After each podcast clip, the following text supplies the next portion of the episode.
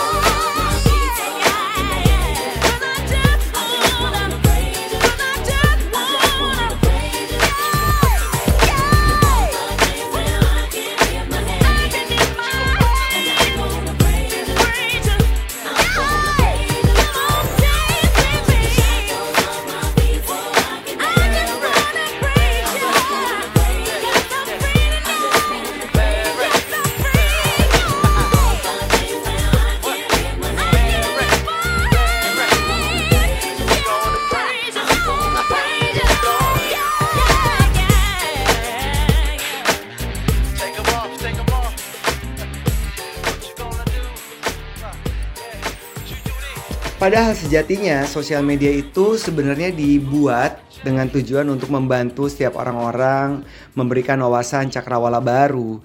Tapi kita tahu hoax ini makin gila-gilaan, makin banyak, mengakar, akhirnya menjadi budaya. Terus kita lihat juga orang-orang udah merasa paling benar, terlalu spontan ngomong di sosial media. Jari-jari itu kemudian meluncur dengan cepat tanpa dipikirkan. Sedangkan makna sebuah tujuan yang baik itu adalah membangun hubungan. Nah, dalam modul kami di Talking itu ada tuh ya kuadran di mana kita merasa lebih baik dibanding orang lain. Ini masuk juga nih masuk ke peyoratif ya atau menjadi seorang social justice warrior dan siapa kita juga gitu menghakimi orang lain. Biasanya orang-orang di posisi SJW yang kemudian berkonotasi negatif itu merasa paling benar dibanding orang lain. Gua oke, okay, lo enggak. Sedangkan kuadran berikutnya adalah orang yang merasa di balik itu. Gua tidak pede, lo paling benar. Nah ini biasanya nih kalau dikaitkan dengan budaya Jawa ini adalah budaya nerimo. Kita nerima aja kalau kemudian ada orang yang berkomentar negatif kepada kita. Padahal sejatinya sebuah komunikasi sekali lagi adalah sebuah seni membangun hubungan, seni mengendalikan diri. Jadi coba tahan dulu jari-jari kita. Tahan juga komentar-komentar yang negatif yang kemudian ada unsur-unsur menghina atau merendahkan. Nah, tapi ada juga orang-orang di posisi yang sangat pesimistik. Gue gak oke, okay, lo juga gak oke. Okay. Aduh pokoknya hidup ini susah banget, nyebelin banget, susah banget. Ini adalah orang-orang yang pesimistik, orang-orang yang frustasi.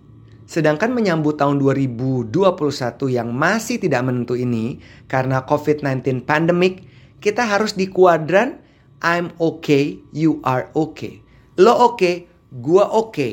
Kita menghargai orang lain, kita realistis, kita melihat bahwa nggak semua orang punya pendapat yang sama dengan kita. Sehingga kita nggak boleh menghakimi atau menganggap diri kita paling benar.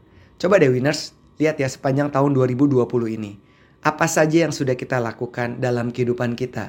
Apa yang sudah kita lakukan dalam kemampuan kita meningkatkan skills kita, keahlian-keahlian kita, termasuk kemampuan dalam mengendalikan diri. Supaya apa? Supaya di kuadran I'm okay, you are okay, kita sangat appreciate orang lain. Kita menghargai karena sebuah komunikasi harusnya dibangun dengan kesamaan dan keselarasan. Sehingga, sehingga, sehingga kita nggak jadi orang yang merasa paling benar. Terus merasa paling benar tuh dibanding siapa? Orang-orang yang sukses juga mereka tidak pernah menghakimi.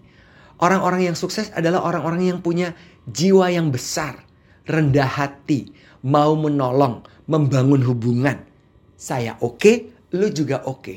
Menghargai lawan bicara. Sehingga ketika kita berkomunikasi, kita bisa setara dengan mereka. Tidak merasa lebih rendah, tidak merasa lebih tinggi, tapi tidak merasa pesimistik, tak berdaya, tapi we respect each other.